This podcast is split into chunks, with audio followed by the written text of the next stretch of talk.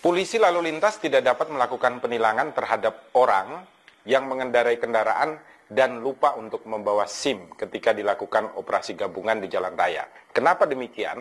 Karena pasal 281 secara tegas mengatakan terhadap orang yang tidak memiliki. Bukan tidak membawa, harus digarisbawahi, tidak memiliki.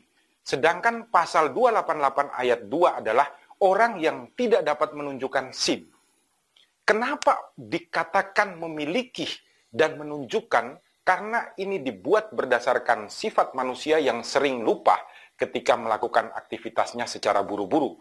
Oleh karena itu, sekali lagi saya ingatkan kepada seluruh masyarakat Indonesia, ketika Anda dicegat oleh polisi dan lupa membawa SIM, jangan mau untuk ditilang, tetapi minta waktu untuk mengambil SIM Anda di rumah.